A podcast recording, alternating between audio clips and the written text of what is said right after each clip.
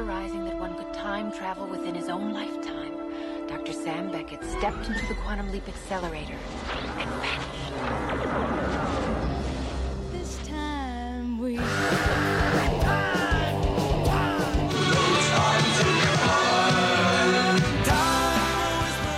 Hallo und herzlich willkommen zu der Radio Zeitmaschine. Mein Name ist Marius Öfsti und mit mir wie immer, ich habe Knut Martin Christensen. Hallo, Hallo. Hei, Knut Martin. geht's? Eh, det går ganske bra. Eh, jeg gleder meg jo. Vi skal til Tyskland. Vi skal til Eh, Tyskland? Ditt favorittland i verden. Nei, men jeg elsker Tyskland. Jeg bare sier at av og til er språket litt vanskelig å svelge. Desto, desto bedre egnet til, til punkrock og, ikke- og, og rock i det hele tatt. Men vi har med oss gjest i dag, Knut Martin. En som vet hva han snakker om, for en gangs skyld. En som faktisk har eh, får lønn for å snakke om det og gjøre det og sette opp på museum. Hei og velkommen, eh, Morten Haugdal. Hei, hei, og tusen takk. Jepp. Uh, Punkhistoriker, rett og slett. Nei, det ville jeg ikke. Etter Trygve Mathisen påberopte seg det, så har jeg holdt meg på god til det. altså. Tittelen er død. Ja. Eh, du, du er med oss eh, i dag, for vi skal snakke om denne punkeruta som vi har drevet og spilt eh, et slags sånn tribute-DJ-sett til. Eh, og den kan du litt om. Jo, jeg kan jo for så vidt det. Kanskje ikke like godt eh, helt fram til i dag, da. Eh, men eh, jeg gjorde en utstilling på eh, Rockheim som het eh, Network, eller jeg og eh, min gode kollega Vigdis Skjelmo, som het eh, Network of Friends, som tok for seg eh, starten på hvordan eh, det som ble kalt punkeruta eller blitzruta eller masse sånne ting kom i gang, da. Eh, mm. Da er det passende for meg, Marius, å skyte inn at uh, for første gang i uh, radio tidsmaskins historie, når vi skal nedover punkeruta etterpå, så har vi fått oss en sponsor. Ja. Eh, vi, dagens sending er sponsa av Sedge Podkasteria. Um, Fantastisk. Marius sitter som vanlig i Oslo, og jeg og Morten sitter nede i en kjeller eh, på Diggs i Trondheim, eh, i podkaststudioet til Sedge. Um, Sedge lager noe datagreier, Mm. med hell, har jeg hørt. Med, med hell. De er stor i India, hvis jeg ikke husker helt feil. Stor på data i India. Og så har de podkaststudio, som jo er gøy. Eh, som folk kan komme og låne. Og leie. I hvert fall hvis de snakker pent om Sedge. Ja. Som vi har gjort, og neste gang Sedge så vil vi gjerne ha med oss en tekniker. Så nok om det. Nok om det. Um, skrives plankeruta med Ø eller U, eh, Morten Haugdal? Vi har fått kjeft for at jeg sier at det er med Ø når det er Ja. Jeg vet at eh, i Rockheims eh, startfase så var det en diskusjon som gikk med høy temperatur eh, over flere måneder mellom eh, U og Ø. Eh, Mm. eh, jeg tror heller vi skal diskutere om punkeruta i hele tatt eksisterer. For det, der er litt mer, er litt mer eh, Men det har vel bestemt oss for, at han gjør, så vi skal ha en lang sending om det. Men jeg, jeg skriver med Ø, altså. Eh, jeg, jeg er på venstresida, så ja.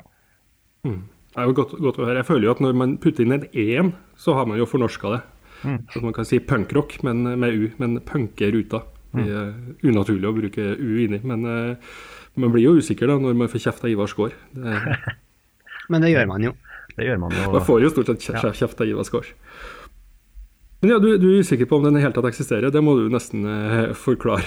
Nei, eh, eh, det kan jeg si mye om. eh, eh, den utstillinga vi gjorde, handla egentlig om hvordan det kom i gang. Eh, og Da er vi helt tilbake til 80-tallet. og Da var det virkelig en punkerute på en måte, eller en hardcore-rute.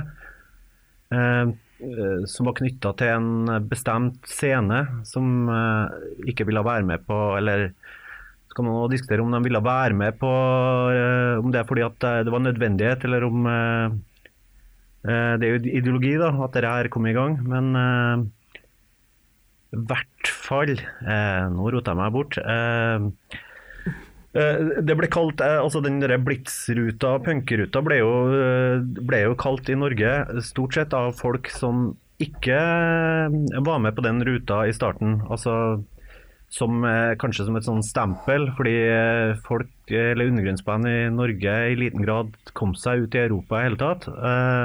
Mens enkelte blitzere og sånt klarte det, og derfor ble jeg litt tror jeg at det ble omtalt som blitsruta eller punkeruta som en litt sånn nedlatende greie. Fordi på den tida så var denne ruta stengt for eh, ganske mange eh, band. Det var veldig knytta til en bestemt scene. da. Mm.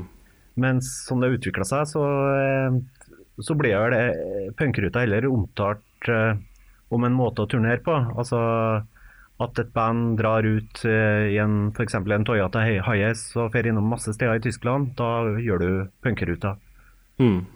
Um, og det stemmer også. altså Det er absolutt en kontinuitet fra eh, det som foregikk på 80-tallet til sånn det foregår i dag. Men eh, likevel, det hva vi skal kalle det? Jo, vi kaller punkeruta vi med Ø.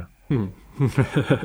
Vår inngang, Marius, det må vi jo fortelle, at vår inngang til punkeruta var jo at vi spilte et sett på Trondheim Calling hvor vi eh, egentlig hadde lyst til å vite hva det var for noe.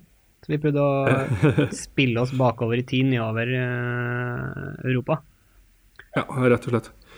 Eh, da kommer vi også til spørsmålet når starter vi? For vi har jo en følelse av at ja, det er fortsatt noen som må si, reiser punkeruta, men det er, ikke, det er ikke det samme som det var. Eh, og da spurte jeg Thomas Ryjord eh, fra Desperado, Trondheim Calling, eh, noe i tempomusikk osv. Når var den siste gangen du booka en turné primært på telefon? Altså at en e-post nå og da kunne være med, men primært på telefon. sånn at en idé om at, at nettverket man hadde fra før, var avgjørende for at man fikk satt opp en turné. Da. Og da sa han at det var Desperado-turneen i 2006. Så Det er derfor vi starter der. Eh, etterpå så påpekte også Thomas at eh, det er også året eh, Desperado legger inn årene, det er også året JR Ewing legger inn årene, som kanskje det siste punkeruta, siste store punkeruta-bandet. Kan man kanskje være lov til å si det? Jeg er ikke sikker. Altså, fordi eh, den måten å gjøre det på helt tilbake et sånn 80-tallsmåte å gjøre det på, altså internett er jo også med, da, men det finnes band som turnerer punkeruta som det ble gjort på 80-tallet fortsatt også, men eh, de vil ikke at vi skal snakke om dem. og eh, Ingen har hørt om dem heller, men de fins. ja, ikke sant.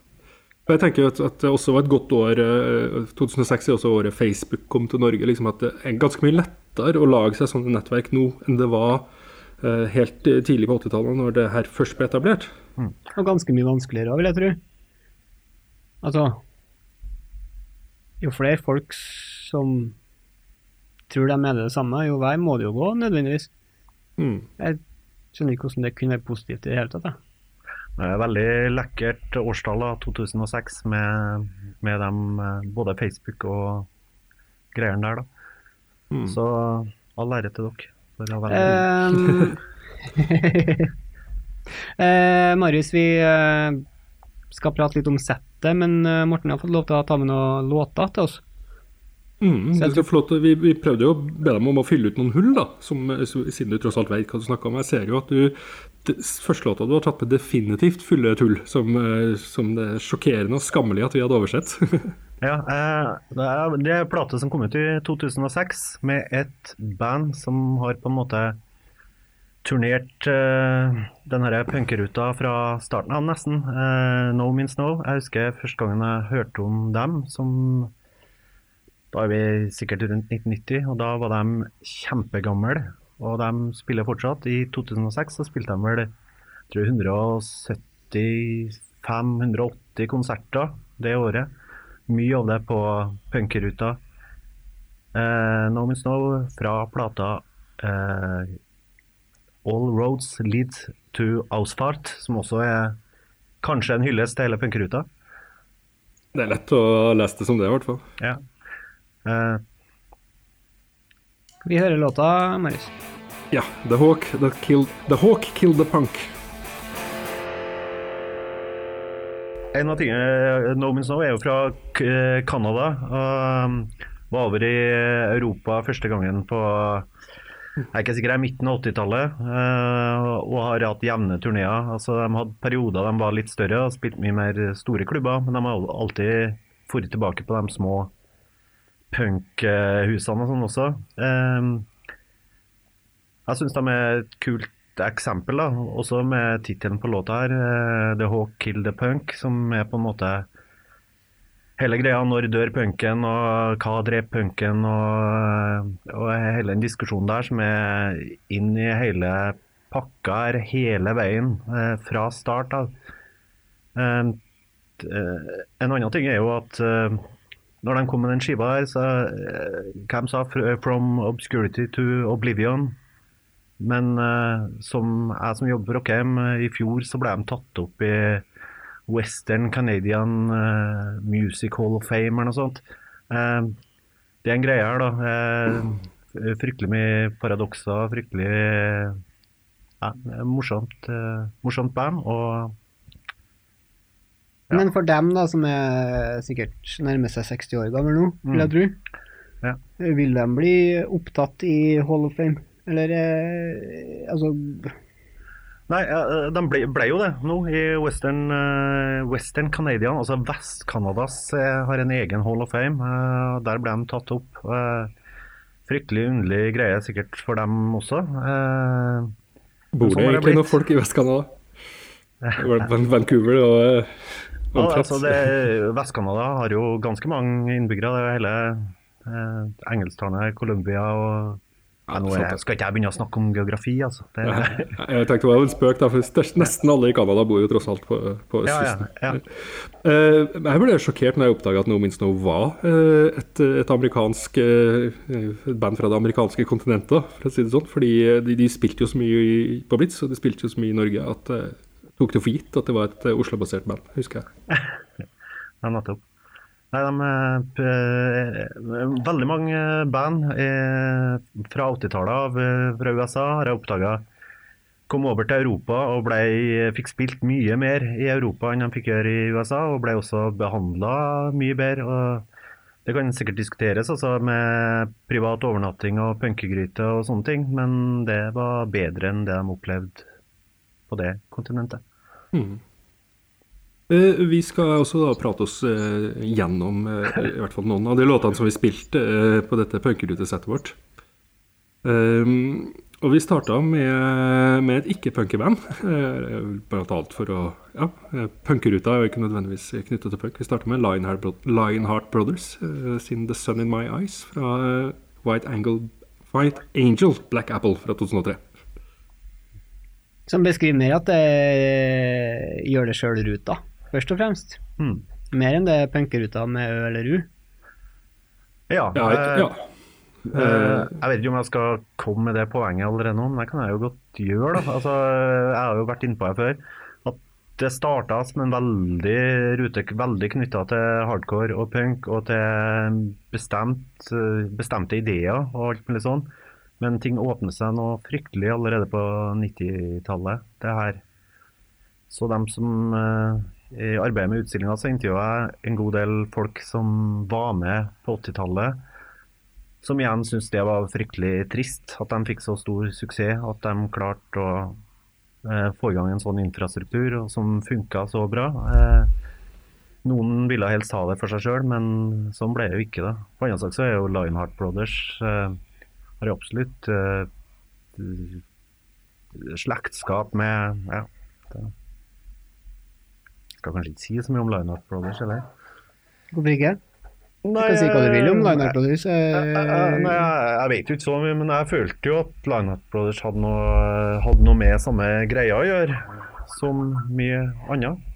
Da vil vi også poengtere midt i podkasten at vi eh, ringer tilbake til Marius på Skype. Eh, men Ja, du, mens du var borte, så snakka vi om og vi skal snakke oss gjennom hver eneste låt vi har tatt med. Det skal vi jo ikke. Vi skal heller snakke oss gjennom eh, på en måte bakover i punkruta, der vi starta i 2006 med da No Means No og nå Lionheart Brothers. Mm. Uh, Men jeg Og det som er vi kan interessant er jo, og det som er, men det som er interessant er jo, fordi jeg har jo vært på den her såkalte punkruta, mm. og det var jo ikke noe, det var jo ikke noe bookingagent inn i bildet, det, det måtte jo gjøres sjøl, men det var jo ikke noe punkeband, og Lionheart var jo heller ikke noe punkeband, det var jo mer den her til helvete med alle, vi bare gjør det. Mm. Vi bruker bare turneen, og så drar vi bare nedover, og så har vi hørt rykter de siste 30 årene om at det kommer til å gå bra. Vi blir tatt imot som eh, gode venner, og vi får mat, og vi får en plass å sove, og vi får en scene. Mm. Og at det får vi en lydtekniker også. Det er liksom topp. Vi får lydsjekk, og eh, det kommer publikum. Selvfølgelig skal vi gjøre det. Mm. Um, jeg vet ikke om det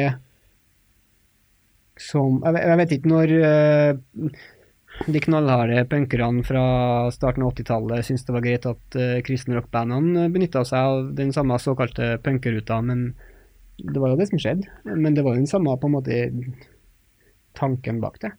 Ja, ja, eh, absolutt. Og eh, hele punkeruta åpner seg gradvis, men eh, også i forhold til musikken, da. Altså, eh, selv om det starta med generisk hardcore på ruta her, så begynte jo også mye av de bandene der å åpne seg musikalsk. eh, Helt tilbake til rundt 90 eh, og sånt. Eh, men apropos eh, Jeg har oppfatta Lionheart Brothers som et band med verdier som Mulig jeg tar feil, men som eh, matcher ganske greit med mye av det som lå i bånn i starten også.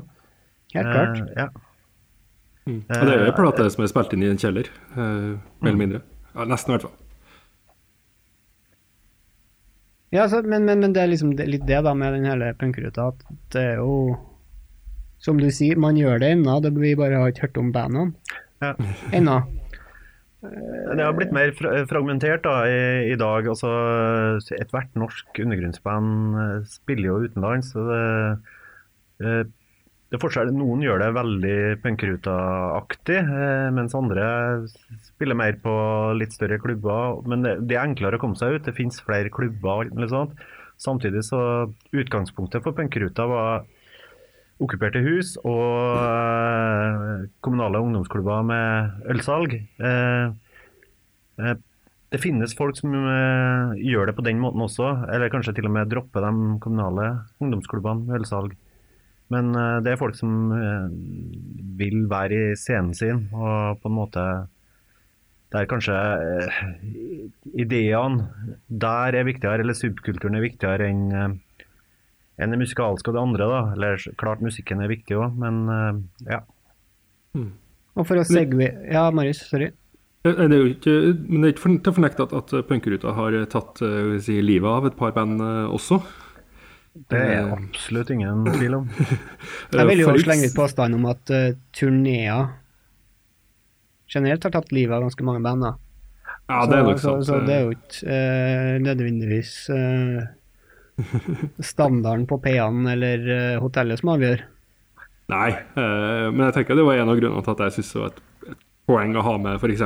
Desperado i det settet vi spilte, som, som jo var på vei ut i verden eh, når denne her, eh, treukersturneen gjennom Tyskland og England eh, var lagt inn og hadde avtale med et engelsk plateselskap om å gi ut en, eh, engelsk, altså en ny debutplate for det engelske markedet. Det ble det vel ikke noe av. Jeg husker vi gikk av eh, båten i Newcastle, og så stopper vi i tollen når vi skal kjøre gjennom den norske bilen. Så har vi hengt opp sånn skilt da, i den bilen med sånn si- sidedør, ikke sant? Hvor det står 'ikke gå ut'. For da er det noen eh, som har vært på turné før oss, som sa at hvis du skal stoppe bilen i veien og gå ut og pisse, så står ikke du i grøfta. Du står midt på motorveien og pisser. Det må du være ganske klar over. Folk har dødd på den måten. Men uansett, da, vi kom av eh, båten i Newcastle og må gjennom den lille tolltingen, og så sier eh, han tolleren i, i, i England So where are you going? Uh, to Scunthorpe. Where? To Scunthorpe. We're going to Scunthorpe. Why? Uh, the record label lives there. Og så sa han Why? da var det tre uker igjen. Men du, for å segwaye oss litt til, fra 2006 til 2000, som var den første halvtimen på det settet vårt. Mm. Jeg, føler at jeg, at jeg må bare komme igjen For de av dere som har hørt på dette settet, så er det jo en, et band som stikker seg litt ut her. Eh, enda litt mer enn en Seid og Line Art Brothers gjør, men eh, nemlig Madrugada. Eh, de har aldri spilt på punkeruteturné, så vidt jeg vet. Men jeg bare tenkte at det, vi, dette er også steder, eh, band, folk man kan ha møtt eh, langs veien, eh, som hører med. Og i 2002 så var Madrugada i Berlin for å spille inn Grit. og der er Bloodshot Adult Commitment fra. det var ikke Madrugada, sjøl om en av tingene jeg liker med Madrugada, er alle de bandene de kunne ha vært. på en måte, Og så tror jeg kanskje at jeg ikke alltid liker så godt med Madrugada at de velger litt ofte de kjedelige bandene de kunne ha vært. Eh, men dette var Run Dog Run, eh, I Feel So Young fra Masterplan, som kom i 1995. Og det er en av låtene som Morten har tatt med for å fylle ut våre hull i punkeruta. Jepp. Eh, jeg valgte ut den litt av flere ting, altså helt tilbake til 95. Men Rønn og Grønn er en av de første bandene som ikke kommer fra hardcore-miljøet på noen som helst måte, som turnerer eh, punkeruta delvis sammen med Funny Farm fra Trondheim, eh, men også på egen hånd eh, rundt omkring. Eh, jeg valgte den låta av flere grunner. I Feel So Young. Eh, nei, det er ikke noe personlig. De har annen låt på samme skive som heter eh, Married Middle-Aged Man nesten. Uh, uh, Run og Grønn uh, valgte av flere grunner. Den ene er at uh, det er et band som har begynt på igjen, og som ga ut ei plate som jeg syns er mye bedre enn det de gjorde på 90-tallet, nå for to år siden. Har spilt inn en ny plate og håper et plateselskap snart gir den ut. personlig agenda. En annen sak er at Run og Grønn Jeg intervjua dem om punkeruta og sånne ting. Eller var det Vigdis som intervjuet, gjorde intervjuet? Eh, de opplevde De syntes det var veldig kult å komme ut, og det var eneste måten de kunne komme ut i Europa. Samtidig som at det fortsatt hang igjen ganske mye av det gamle greiene. De, eh, det var nok hardt, hardt for dem eh, å dra rundt på den måten. og Det var ikke alle som likte dem. Folk forventa band fra Norge. Så forventa du et band med dreads som spilte hardcore. Og det var de aldri. Jo, én av dem hadde dreads, men uh, det var ikke nok. Uh, samtidig er jeg veldig Syns jeg den plata her er et ekstremt eksempel på musikk fra midten av 90-tallet. Uh, du hører 90-tallet her, altså. Mm. jeg har jo en del Nei, jeg skal ikke ta noen drøye historier rundt turneen, men både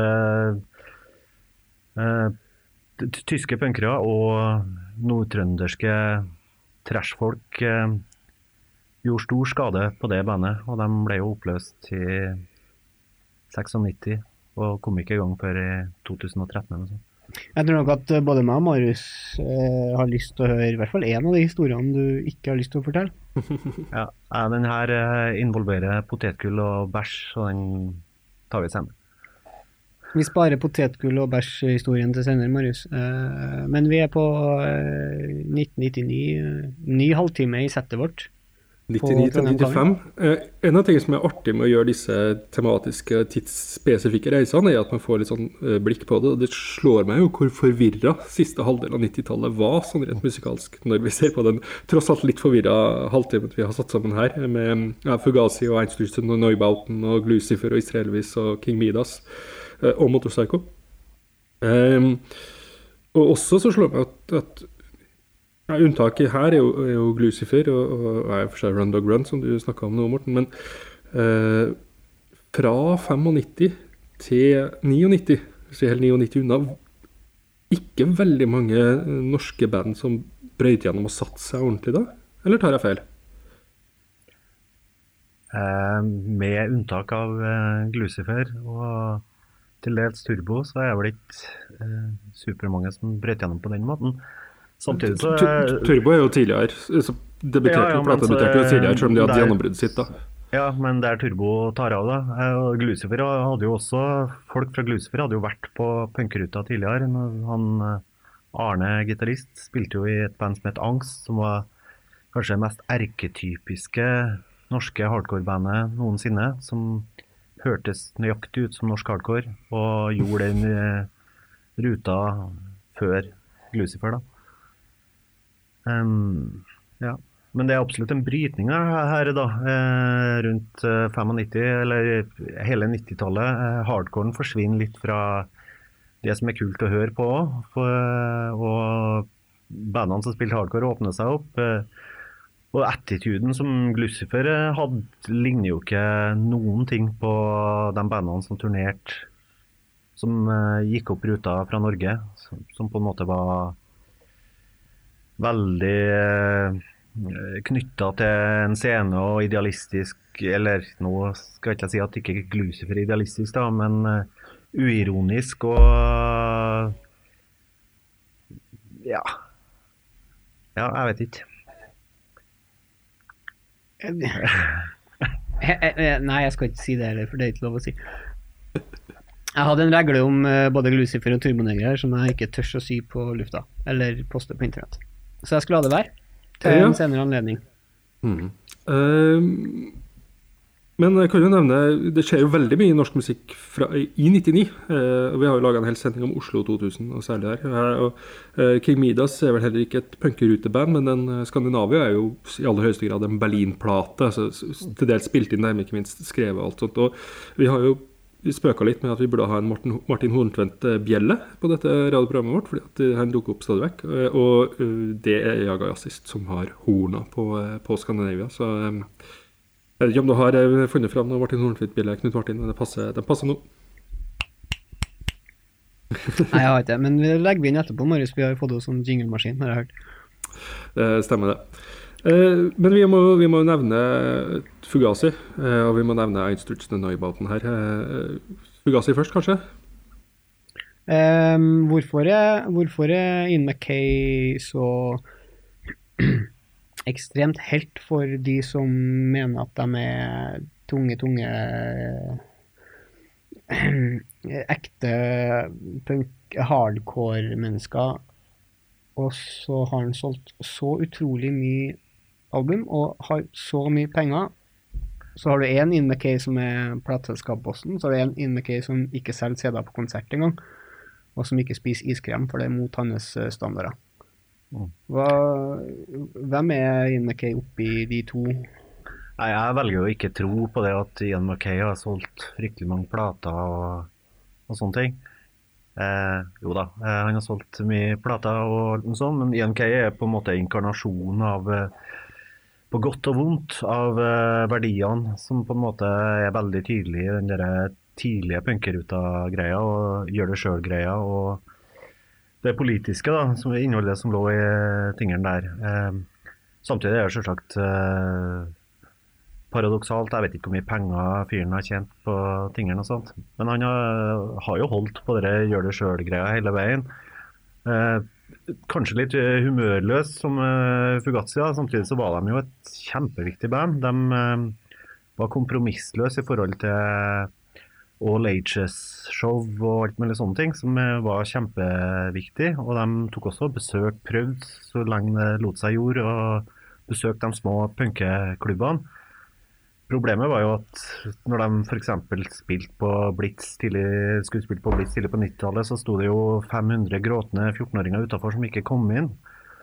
Hvor da Ian Mackay sin styrke kom inn, som sa ok, det er greit å flytte til Rockefeller, men det skal koste det samme å være aldrifritt. Ja, ja. Det, de gjorde det gangen etterpå. og Det var en kjempefin eh, greie, og de fikk jo gjennomført det. Eh, så all ære til Ian Mackay, sa- samtidig som eh, jeg skjønner godt alle angrepene på på han også, med det humørløse her, da. Han satt på en måte regler på ting, sjøl om han eh, eh, ikke påstod han ikke gjorde det, så hadde han mange folk som fulgte fulgt i alt og alt han sa. Mm. Um, Men Fugazzi, herregud, det er viktig band det også. jeg, jeg mener, Fugazzi Fugazi spilte jo ikke eh, det folk for, forbandt med hardcore. Altså eh, funky og dansbart og eksperimentelt og alt mulig sånt. Og slapp gjennom med det. Som jeg tror er et av bandene som er viktig for at ting åpner seg, da, rent musikalsk. tror jeg. Eh, det, vi, vi, vi må nevne Neubauten også. For det første så er jeg bare til, til, helt tilbake til, til um, sendinga vår med Truls Lorentzen. Eh, Truls var vår gjest. Eh, tidligere bandkollega av deg, Morten. Hvis jeg huske helt feil. Yep. Men, eh, men da nevnte jeg altså snakka om eh, en Neubauten-låt jeg hadde hørt på radioen eh, i eh, Tyskland eh, og Praha og ikke skjønte hva var. Eh, men det er altså Nav som vi spiller nå, for den som eh, måtte lure på det. Eh, vi spilte også eh, Was Ist. Eh, det var selvfølgelig fordi at vi hadde glemt å ta høyde for at band slutta før halvtimen deres var ferdig. På, vi driver og spilte imellom konsertene. Vi hadde planlagt ganske pinlig nøyaktig halvtimesett. Og når band slutta tre-fire minutter før, så mangler vi låta. Eh, men eh, i, i en av de mailene vi eh, fikk fra deg helt sånn mens vi snakka om det her på idéplan, så nevnte du at uh, Neubauten uh, ble kontroversielt, uh, i hvert fall på 80-tallet i Eh, Tyskland. Jeg husker du nevnte eh, SO36, nå sier jeg sikkert eh, feil. Det skal sikkert sies på tysk. eh, som også Killing Joke har en låt som heter. Som var en superviktig klubb for eh, punkens tidlige fase i Tyskland. Eh, etter hvert eh, ble jo ting mer arty og sånt, mens uh, hardcore-punkerne og den andre generasjonen punkere og anarkopunkerne sånn satte ikke spesielt pris på de greiene der.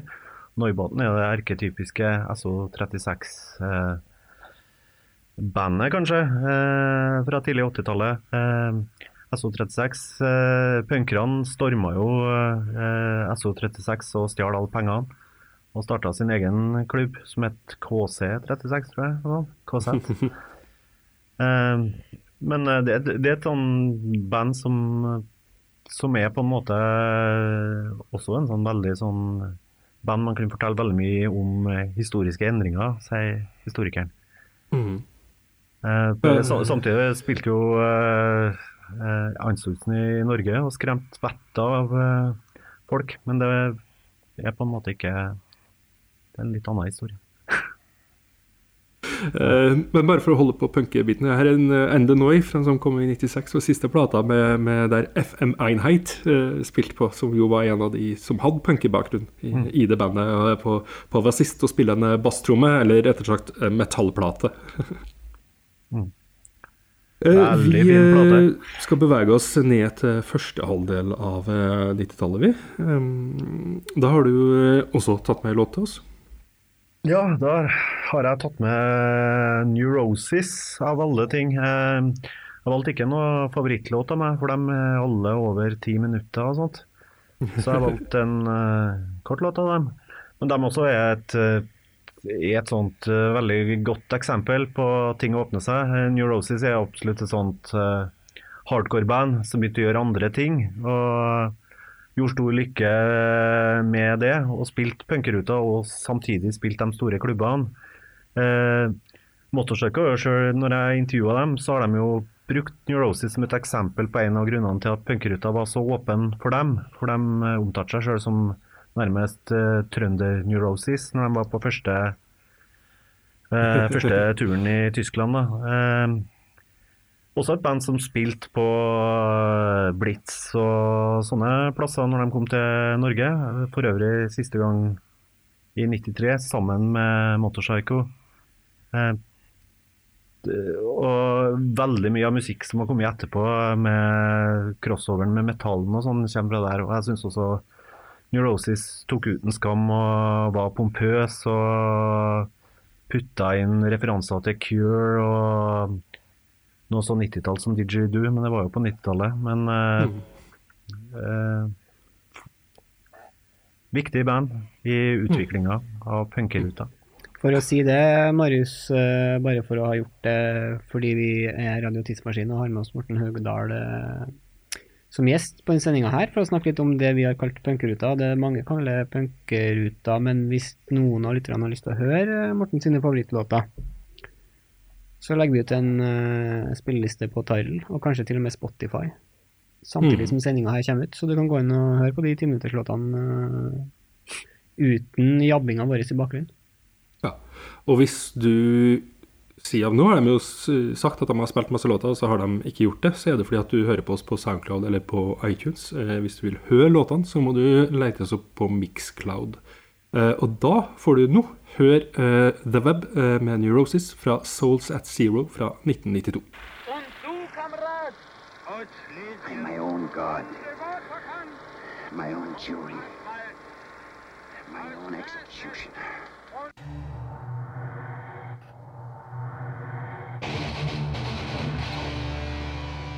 Ja, det var eh, Neurosis og The Web. Eh, Vi er definitivt eh, på første halvdel av 90-tallet. eh, Denne strekk som vi kalte 94 til 90, selv om jeg ser at den nyeste låta vår er fra 1993 her.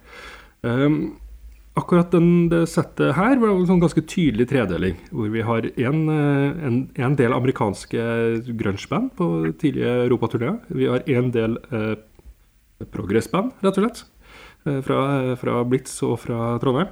Eh, og så har vi litt sånn godt eh, på tampen, da. Eh, vi kan jo starte med, med grungerne. Ja. Ehm, jeg liker å kalle det Men det var, hvis vi går til 91, så liker jeg å kalle det det året punken knakk. Men det er kanskje ikke det som er meninga å si, da, hvis du oversetter ordentlig. Ja, det er fint. Fint sagt det også. Ja, absolutt. Eh, Men det var jo det. Ja, det, det skjer jo absolutt noe i 91 med Nirvana og Nevermind som eh, på en måte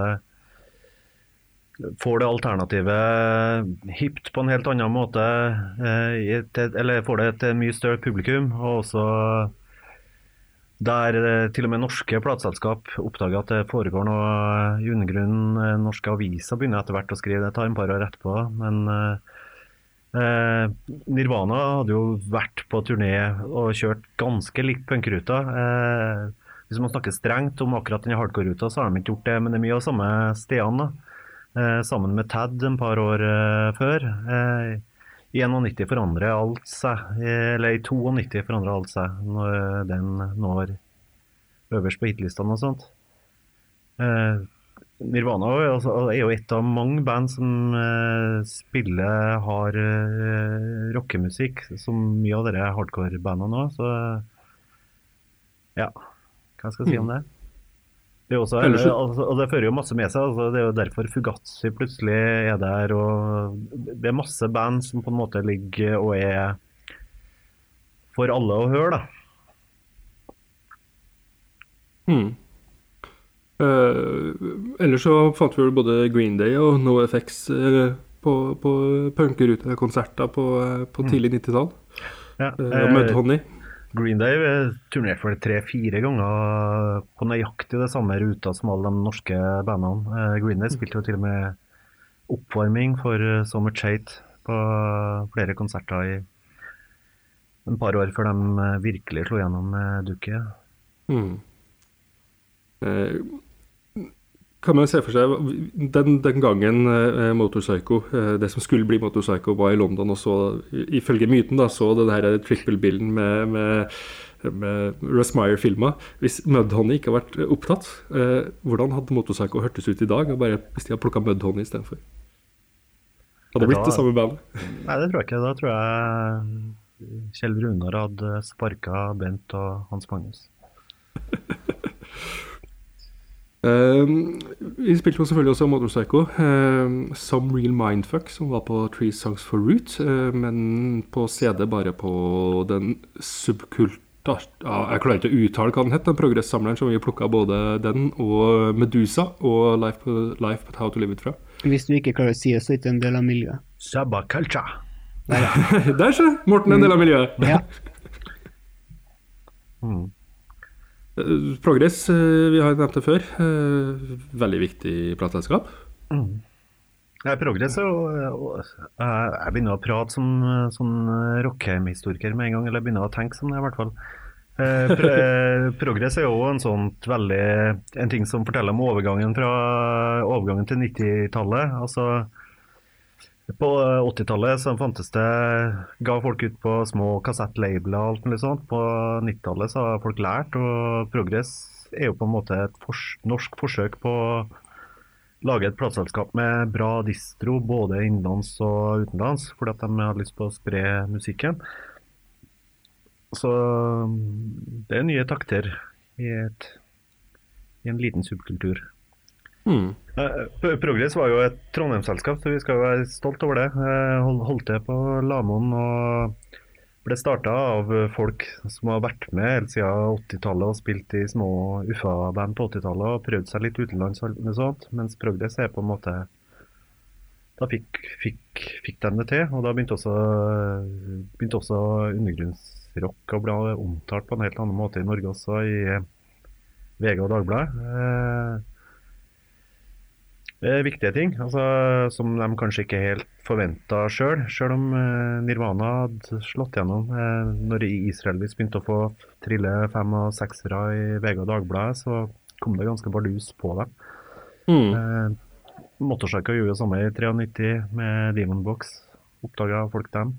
Men eh, altså Når man ser på denne historien her, så er det en så fjern tid. Eh, både teknologisk og eh, mediemessig på hvordan undergrunnsmusikk, hvor undergrunn undergrunn var på 80-tallet, og hvordan det åpnes på 90-tallet. Hmm. Det er i hvert fall min tese. Eh, Medusa, som vi også spilte, varma for øvrig opp med for, Valle, for Guns N' Roses på Valle Valle Hovin i 93. Ja. Var det vel? Nei, jeg har aldri likt Guns N' Roses. Det er bra. De spilte i forgårs, forresten. Medusa var jo et sånt band som eh, når de var kjempefersk, eh, dro på dro på den der vi kaller punkeruta, da, og hadde kjempepublikum med en gang, fordi at de var fra Norge. Og hadde, hadde ut bilder i avisene på forhånd og alt mulig sånt, så de fikk kom som eh, et ukjent band fra Norge i Norge til å, å trekke fullt hus i Tyskland. Hvorfor det? Eller hvem var det som sto for den, unnskyld uttrykket, promojobben? Nei, eh, altså mye, mye av det handler om eh, Når jeg prata med tyskere, så ble de jo helt uh, Hva heter det uttrykket? Klam om hjertet? Det vet jeg ikke. Men i hvert fall uh, Norske band hadde bygd seg opp uh, De første hardcore-bandene hadde bygd seg opp en veldig bra greie i Tyskland på forhånd. Og tyskere er jo fryktelig fascinert av eh, alt norsk.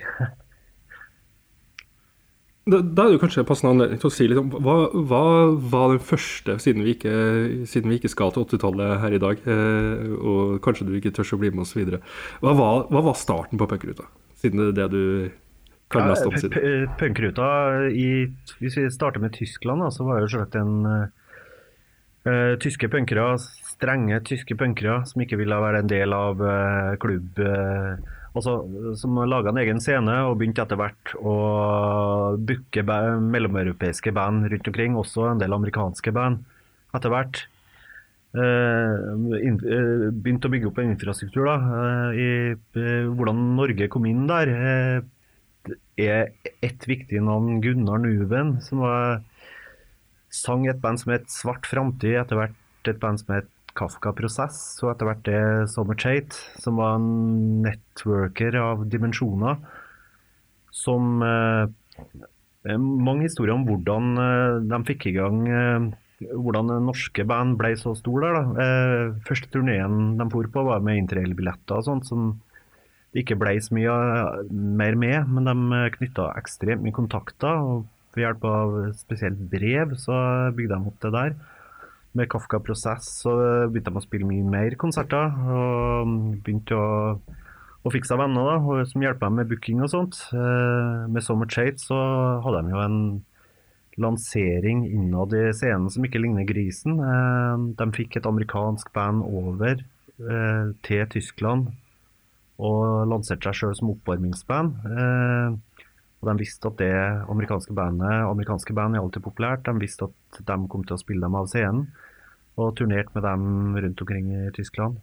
Satt også inn annonser i eh, de viktigste hardcore-fanzinene rundt omkring der det sto eh, 'Hardest hitting hardcore' eller noe sånt. Eh, altså Veldig annerledes enn han tenk, en, en entreprenør da, på gamlemåten.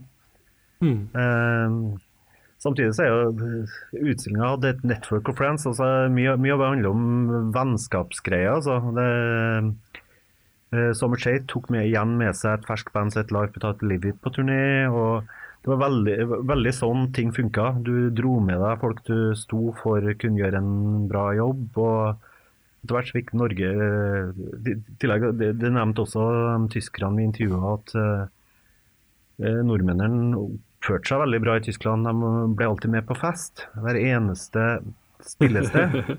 som faktisk er en viktig greie også for å knytte kontakter og bli ja, I motsetning til mye av amerikanske bandene som verken drakk eller banna. Mm. Så det var bra det ikke var norsk straight edge som var først ut på veien, da. Nei, De kom, kom, kom relativt tidlig, dem òg, men uh, noen år etter, da. Mm. Ganske hyggelig, dem òg. Mm. Så lurte jeg inn uh, Sisters of Mercy også i dette settet vårt, fordi at det gjør jeg så ofte jeg kan. Som jo kanskje ikke egentlig hører hjemme på punkruta, men også et eksempel. Altså de, Andrew Edris hadde jo rømt til Hamburg, bodd der. Rosetta Stone, som også er litt i Goth-bagen, uh, for øvrig med en cover av The Rattles in the Witch, som også Motorpsycho har spilt, som vi kunne ha sagt litt om. Men jeg jo, får jo litt inntrykk av at Rosetta Stone er også et band som turnerte innmari mye. Så jeg antar at de har måttet ha vært litt rundt der. Altså en, en, en scene som i likhet med punken måtte spille mye, rett og slett for at de hadde ikke samme gjennomslaget og den, den britiske gothen er jo også direkte utsprunget av, av den britiske punken, i og for seg. Samtidig ja, er jo et poeng med Tyskland. Da. Tyskland er et land, eller Vest-Tyskland, et land med fryktelig, fryktelig mange mennesker og fryktelig mye byer. og Enhver subkultur finner en ganske svær greie der, og det ser du jo også på når du er inne på goth og alt mulig sånne ting. Eh, eh, fra Norge eh, IBM eh, goth slash goth-bandet og på Tygma Berserk. Eh, begynte jo også å spille konserter i Tyskland eh, tidlig på 90-tallet. Altså, det var også et band som ikke hadde publikum i Norge, men som plutselig kunne, kom høyt opp på festivalting i Tyskland og turnere ordentlig i Tyskland. Så hele eh, Drev du på med en eller annen subkultur, så er Tyskland en drøm, da, vet du. Mm. Jeg, bare, jeg skulle slutt uh, nevne også på den biten her at uh, åpningslinja av uh, Ribbons I'm lying on my back now, the stars look all too near. Eh, Visstnok en referanse til at fyllearresten i Hamburg skal ha malt stjerner, sånn nattehimmel i taket. Oi. Ja, okay. um, tenker på alt tyskerne. Ja, de tenker på alt tyskerne. Jeg skulle rote inn Oscar Wilde, men jeg torde ikke. Uh, ja, han turnerte sikkert også Tyskland, uten det? Men eh, et eh, band som vi selvfølgelig skulle ha spilt uh, denne her kvelden, som ikke ble med fordi at Knut Martin hadde glemt å brenne det ut på CD. Uh, vi har jo nevnt ham før, Tormod Eger. Uh, vi hadde tenkt å spille Vaya Con Satan fra Hot Cars and Contraceptives, uh, som kom i uh, 1990. Hot Cars and Spent Contraceptives, det er jo et viktig poeng her. Harald Fossberg æra uh, turboneger.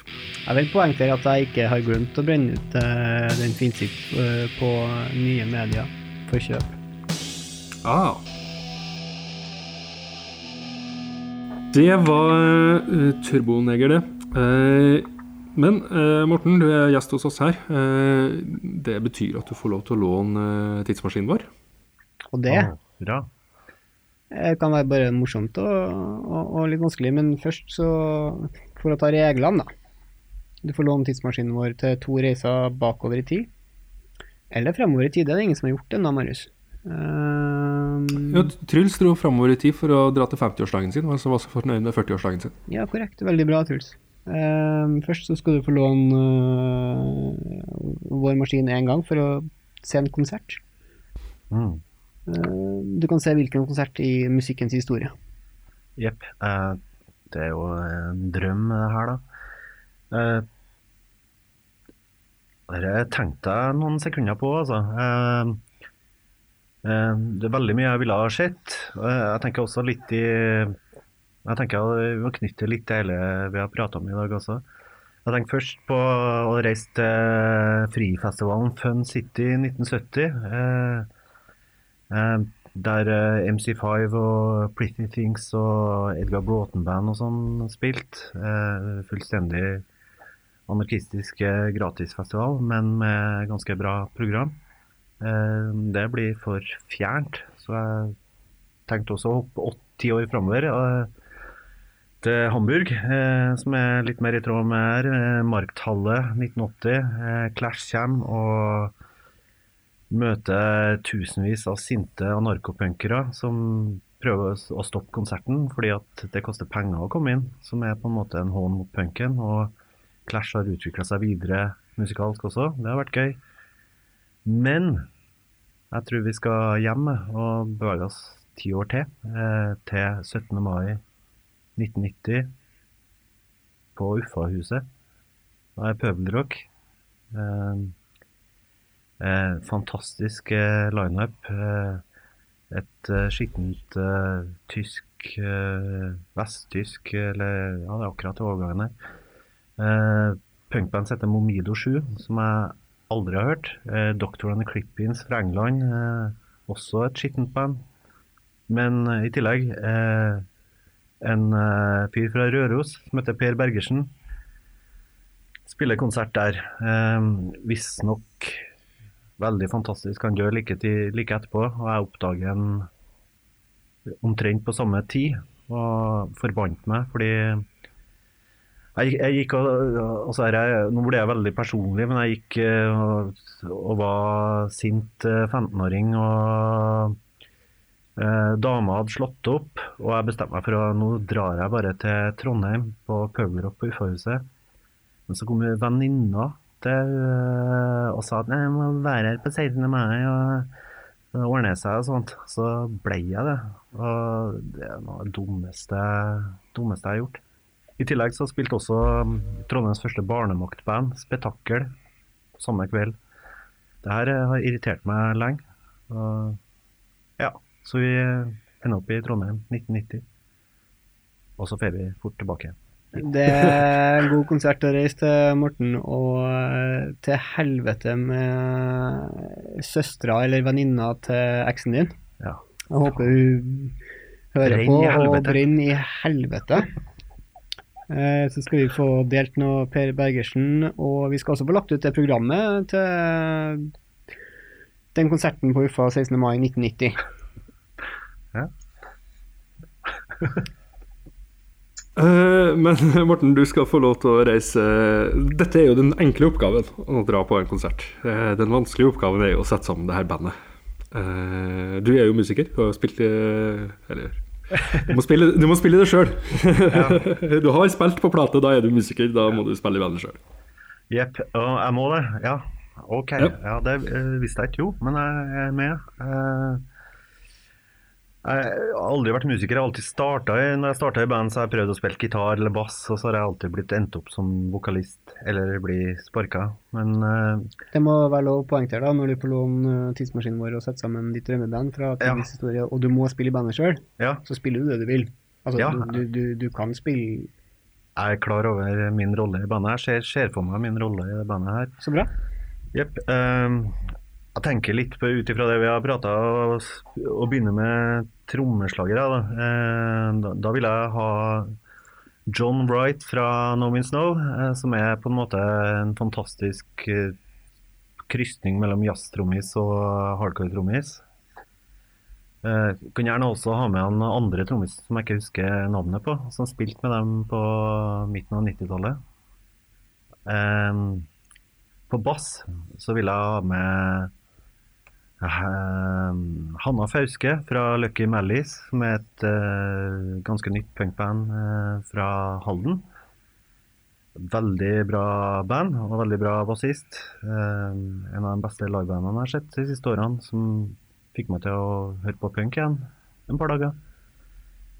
Eh, hvem er? Jo, vi kjører på med gitarister. Eh, Børre, Børre Løvik, som spilte i Som er dau nå. Men spilte i Stengte dører og Summershade og sånn, som på en måte kanskje også er en av clouene på hvorfor norsk hardcore ble tatt så godt imot i Tyskland i starten, som på en måte var en god gitarist, som heller så til Jimmy Henriks enn til punkbandene før seg. Og da må du selvsagt også ha med Truls Lorentzen, som har vært gjest til dere tidligere. fantastisk gitarist, eh, det også. Nå i Dog and Sky og masse andre band. Vi må ha med saksofon. Da vil jeg ha med Sigrun fra Gautomatikk Band. Eh, Trondheims eh, beste frikeband. Eh, vokalist så må vi ha David Yo fra Jesus Lizard. Eh, kanskje ikke verdens beste vokalist, men eh, lært meg alt for å være vokalist når du ikke har bra stemme. Sjøl ville jeg gått inn i rollen eh, en sånn type Bez fra Happy Mondays. Eh, dansa og slått på taburi. Mm. Det tror jeg blir fett. Det slår meg, Marius, at jeg har et band eh, med unntak av eh, kanskje én som faktisk er mulig å sette sammen om noen år. Så det er en oppgave vi har nå foran oss. Ja, nei, det er jo et relativt Og tror også kanskje et band som kanskje kunne ha fungert sammen, eh, som jo eh, ikke så mange av de bandene eh, andre har satt sammen tidligere, ville ha gjort. Vi nærmer oss Tusen, tusen takk for, for band, eh, Morten. Det hadde vært en fryd å høre det. Vi nærmer oss slutten av denne podkasten. Rett etter at du er ferdig med å høre på det her, så ligger også da del fire av punkerutasettet Punkeruta-settet vårt, når vi går fra 89 til 85 ute. Eh, Vi må også nevne at eh, Knut Martin, du skal ut og spille plata snart. Eh, 16. april på Løkka, og har ikke noe tema ennå. Nei, eh, så jeg, synes jo at du, du bruker å kalle deg mer Knut i monitor. Eh, Jeg tenkte å kunne kalle deg mer George i monitor, og bare spille låter av folk som heter George. Eh, George Martin, George Harrison, George Clinton, George Duke, George Gershwin. Ja, nei, jeg liker utfordringer, men jeg føler at det kanskje er to timer, ikke fire. Men jeg tar gjerne gjerne det blir jo eh, mer Knut altså mer George i bare mer George enn vanlig, da. Det trenger ikke å være bare George. Ja, er Nei, men Jeg tar gjerne imot tips på jeg Mm. kan, hvor jeg kan reise i den her firetimers uh, Det her firetimers DJ-settet på Løkka 16. april. Japp. Da det er sagt, så skal vi eh, avslutte med ei låt. Eh, vi har jo antyda så vidt at du har jo spilt i noen band, eh, Morten. Ja. Spilt i Morfars hus sammen med Truls, hvis jeg ikke husker feil. Det stemmer bra, det. Det kan folk spares for å høre. Norges første emo-band. Kommer vi også til å legge ut på sosiale medier når den sendinga her kommer ut. Eh, men, men jeg leita jo deg opp på, eh, på Discog, så der så jeg du har jaggu meg skrevet teksten til 'Beruseren'.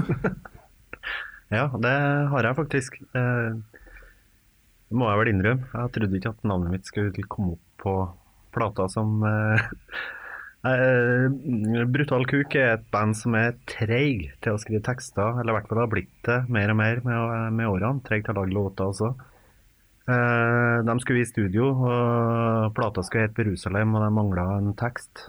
Og jeg reflekterte over tittelen og prøvde å havne i Jerusalem og skrev en tekst. Eh, fikk besøk av vokalisten dagen etterpå og nekta for jeg hadde skrevet en tekst, men han fant den. da.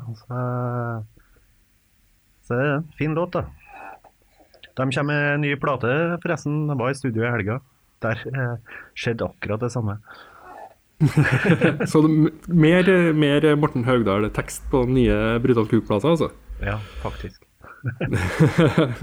Da vil vi gjerne spørre om en uh, verdenspremiere på den låta før albumet kommer ut. Ja, det kan vi Eh, ønske oss. Det kan vi få. Det får dere ut. Du, For å kleine til det her litt, Marius, før vi spiller Jerusalem, så må jeg bare få nevne at uh, vi har fått låne uh, studioet til Sedge, uh, som driver på med noen sånne apper eller noen datagreier. Ja. Uh, vi er ikke smart nok til å låne mikseren deres eller å få utstyret deres til å fungere, men eh, jeg skal prøve å sette inn alle kablene. Jeg har nappa ut fra baki under bordet her etterpå. Jeg lover ikke at jeg klarer det, men takk likevel for at vi fikk gå ned i kjelleren deres og nesten bruke det. Ja, tusen, tusen takk til Sedge. Takk, Serge. Um, da sier vi tusen takk til deg, kjære lytter, som har eh, hørt på. Tusen takk til Morten, som har eh, hjulpet oss uh, gjennom eh, denne første delen av Punkeruta. Vi fortsetter på Punkeruta, både med DJ-settet vårt og eh, kommentarspor i eh, neste uke. Eh, vi skal tilbake til 1977, som er naturlig sted å starte. Um, Og da får vi eh, Brutal Cook sin eh, Berusalem fra plata med sammen.